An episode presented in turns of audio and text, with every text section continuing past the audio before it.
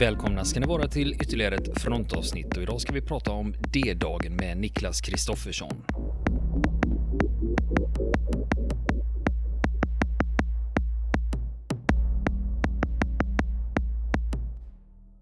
För eh, nu har vi ju pratat lite filmer också och sen har vi flera gånger kommit till filmen Den längsta dagen. Ja. Den svartvita från Ja. 1962. Och det får vi ju säga så här att för länge var ju det ett standardverk. Ja. En standardfilm när det gällde D-dagen. För den skildrar ju eh, flera olika, det- den skildrar ju luftlandsättningen, den skildrar ju invasionen. Så den skildrar ju flera olika saker. Den skildrar planeringen, den skildrar besluten. Eh, ganska eh, porträttlik skådespelare som spelar Eisenhower, eh, svartvit film. Eh, absolut. Eh, sen är det många luckor i Cornelius Ryans bok. Eh, man har, forskningen så att säga, har gått vidare. Eh, där är mycket som inte riktigt stämmer eh, när man tittar på detaljerna. Men i stora hela är det ju väldigt, väldigt väl beskrivet. Dessutom, tyskarna pratar tyska. Bara en sån sak. Ja, för det är en, en sak jag funderar på kring den. Eh, Jo, en, en sak som också är intressant när man skildrar det från den tyska sidan. Mm. Och eh, det var ju lite ovanligt eh, med att faktiskt ha med de, de aspekterna av Ja. det. Hur reagerar man i högkvarteren Ja. på, den, på fiendesidan? Ja. Och den är väl beskriven, eh, rätt beskriven i stort. Eh, det får jag nog säga.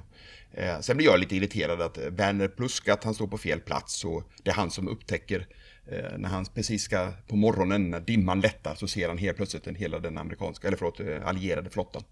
Och så vidare. Men Eh, så är det. Eh, och tyvärr finns det ju inte lika många berättelser från tyska veteraner eh, från, som var med här på invasionen Men jag kan ju tänka mig deras skor.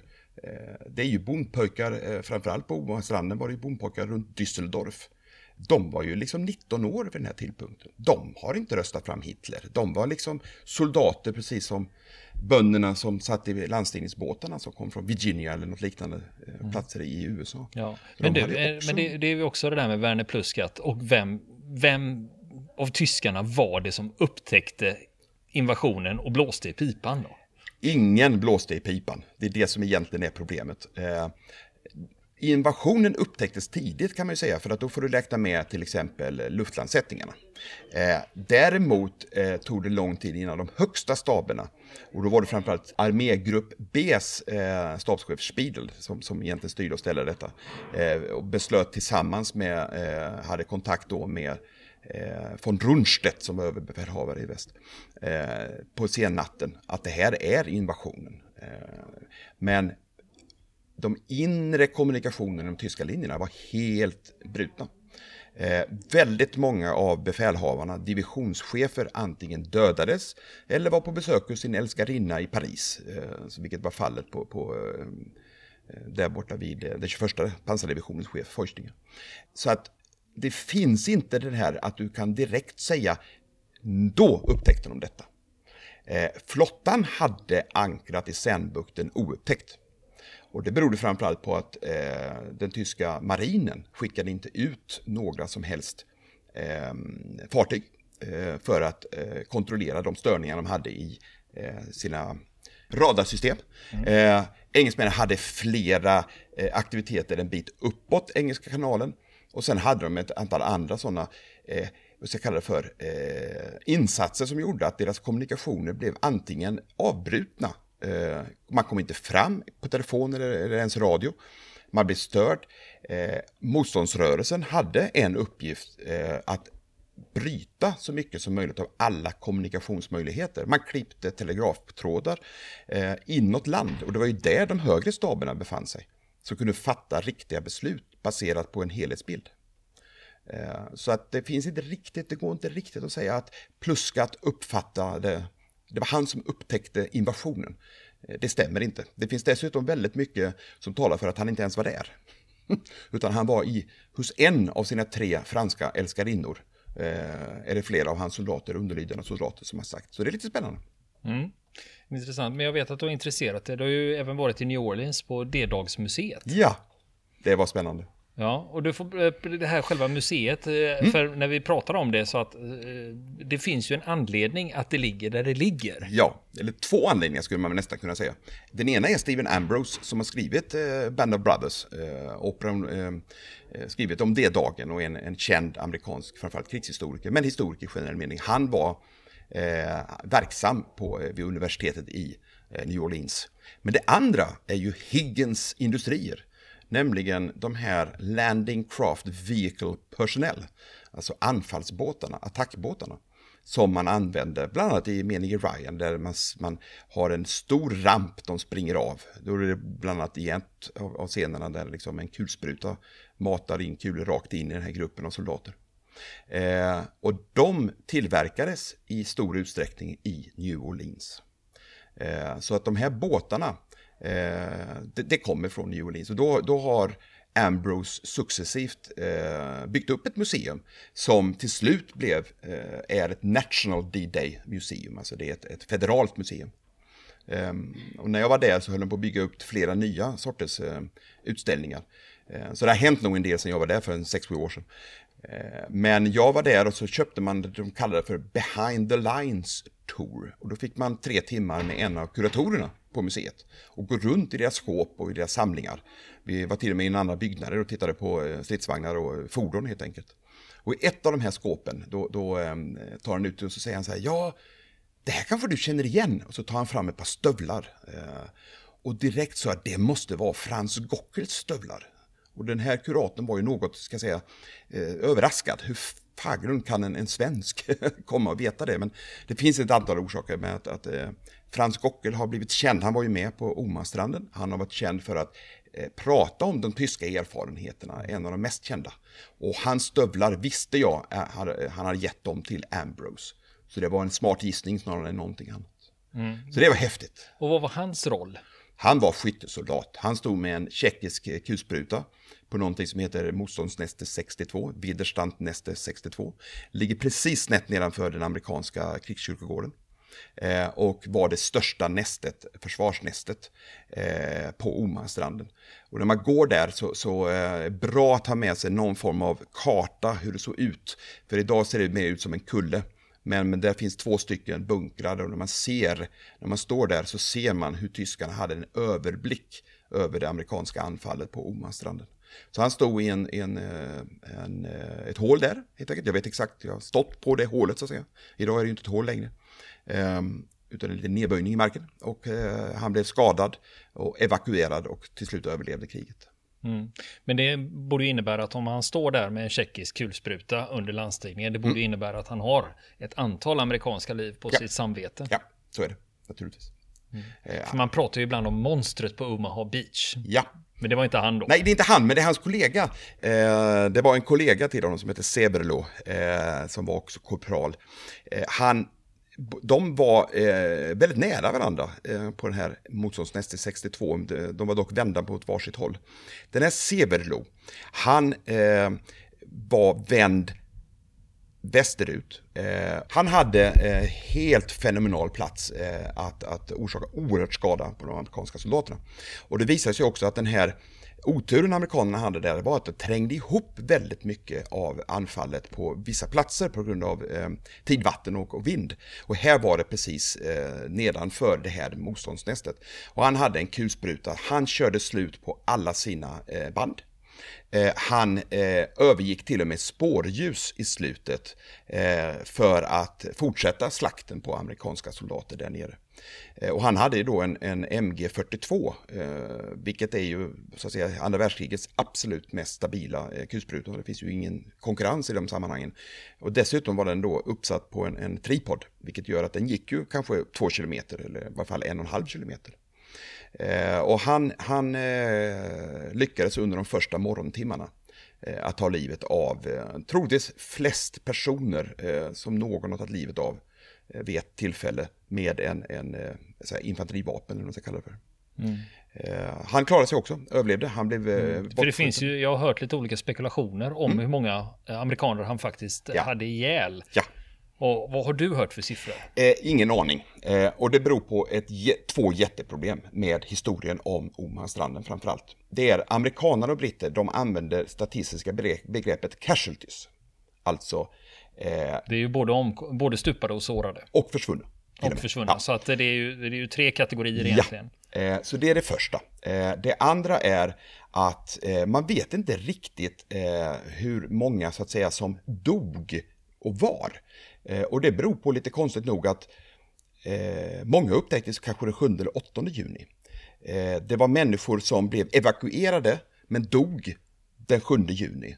Och då har man inte koll på var någonstans de dog, eh, så att säga. Så att statistiken är väldigt, väldigt konstig. Men låt oss säga att det är någon hundra eh, lätt eh, som han har tagit livet av eller sårats allvarligt eller sårat eh, väldigt mycket. Och eh, om du verkligen vill se hur det såg ut från amerikanernas synvinkel så ska du ju titta på, googla Robert Kappas eh, eh, bilder eh, som han tog från den andra vågens anfall precis nedanför Eh, där den amerikanska kyrkogården är nu.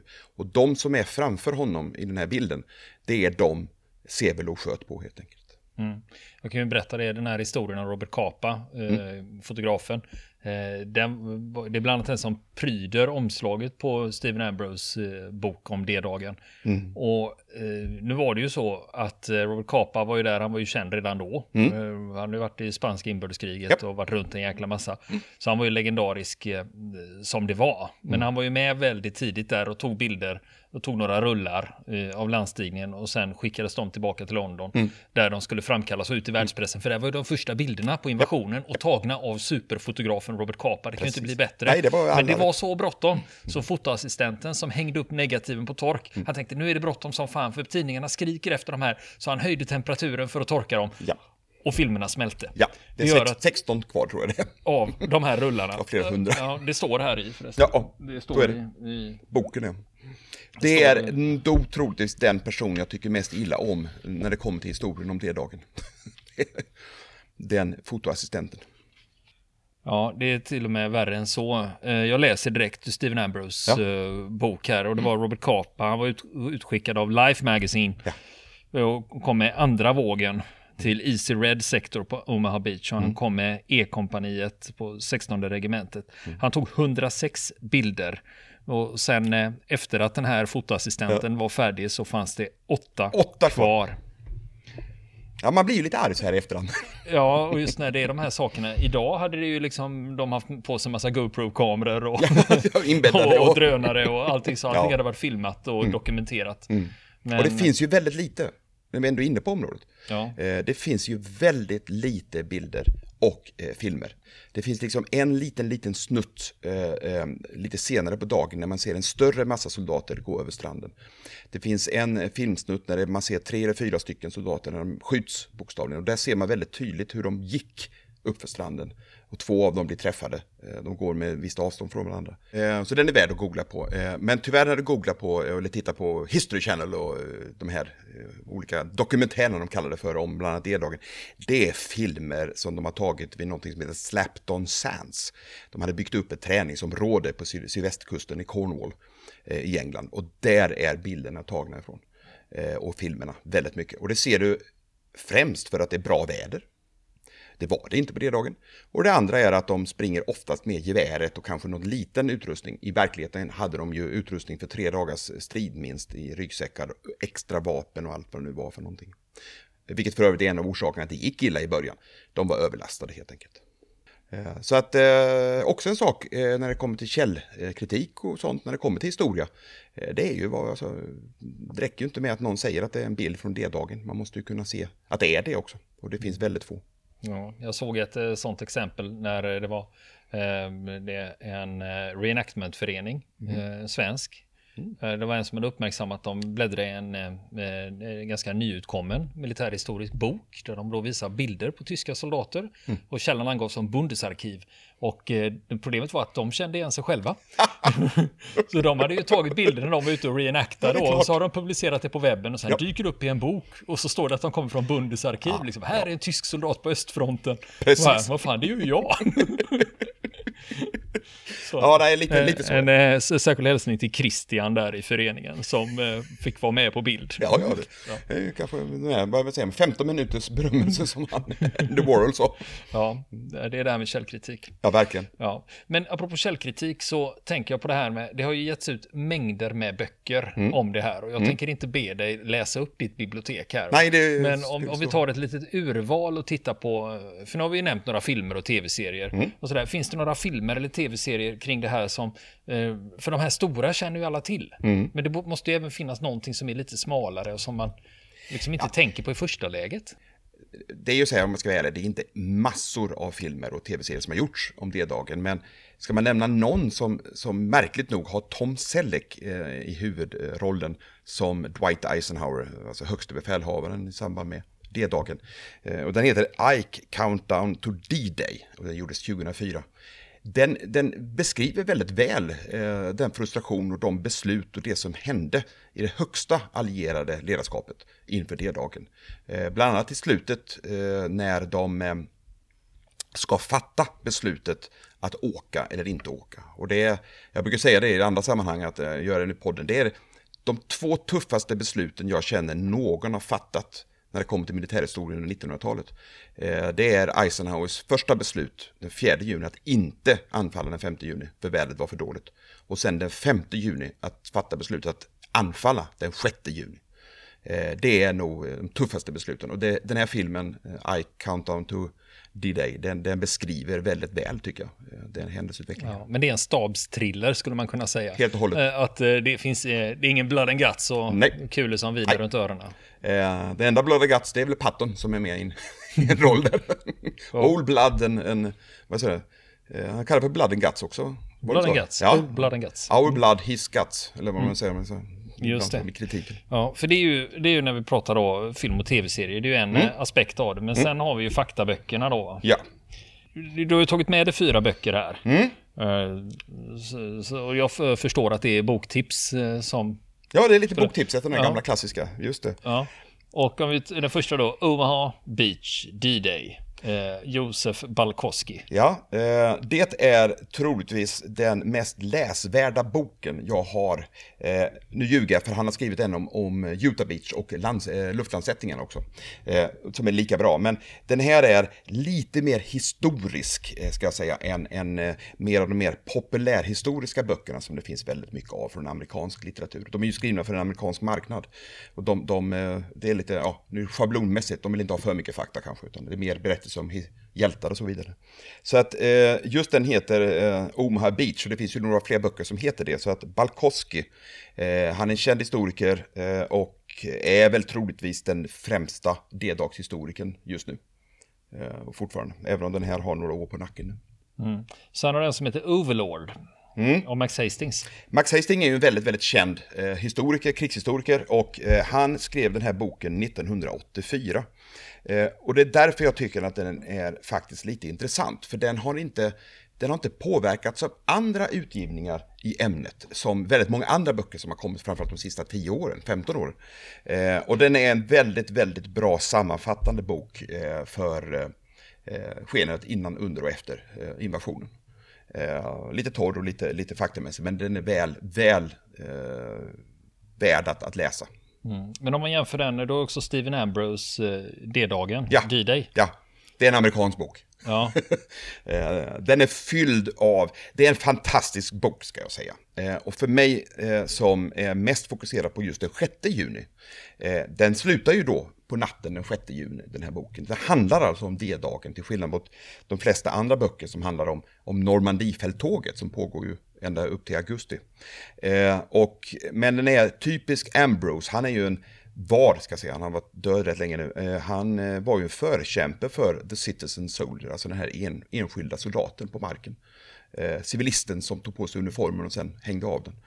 Eh, och det är väldigt mycket eh, citat från allsköns eh, medverkande. Och det är ju en av de stora ansträngningarna han har gjort. Det är ju att samla in bevismaterial. Eh, Så de här tre, de, de är hyfsat moderna. Men den fjärde är ju då naturligtvis, vi har varit inne på den, det är längsta dagen. Cornelius Ryan. Ja, den, den, det, är, liksom, det är ju det verk alla utgår ifrån, eh, kan man väl säga. Med beskrivningarna i den tempoordning han har gjort. Börjar med amerikanska luftlandsättningen, sen eh, brittiska och sen fortsätter med stränderna. Och han tar hänsyn till hur tyskarna agerade och reagerade. Eh, det, är en väl, det är en jättebra bok för framförallt ungdomar att börja med. Eh, om man nu är intresserad av just det här ämnet. Eh, för den, det handlar också om människor och skeendet och du får det på ett väldigt eh, paketerat sätt. Den är skriven på 50-talet och med det så är, finns det så att säga, forskningen har kommit lite vidare fram eh, efter den boken skrevs och filmen gjordes. Så att det finns väl en del saker faktamässigt man skulle kunna diskutera, men i det stora hela en fantastisk bok. Mm. Och, men om vi ställer dem, för jag håller på med Anthony Beavers D-dagen just nu. Mm. Om du ställer den i jämförelse med de här? Sämre. Jag tycker Anthony Beaver har gjort ett hastverk. Jag tycker att han eh, springer igenom egentligen själva skeendet eh, på ett alldeles för snabbt sätt. Eh, jag som kan eh, väldigt mycket om, om, om eh, vad som händer tycker att han har eh, nästan eh, kortat väldigt mycket av, av händelserna inför och under Eh, på ett för alldeles för stort konkret sätt. Han har på äldre dagar blivit mindre intresserad av att egentligen gå igenom fakta och mer eh, hitta sina vinklar som en journalist borde göra, eller gör ofta. Eh, bland annat en, en stor, eh, jag var i till exempel Armémuseum i Stockholm när, han, när boken kom. Och han höll en för, föreläsning och det, då ägnade han hela föreläsningen om att prata om hur, hur eh, engelsmännen eh, framförallt och även amerikanerna, eh, att deras bombkampanj dödade civila. Och det är väl värt att, att diskutera den frågan, men inte om just D-dagen för mig. För det är liksom en helt annan story.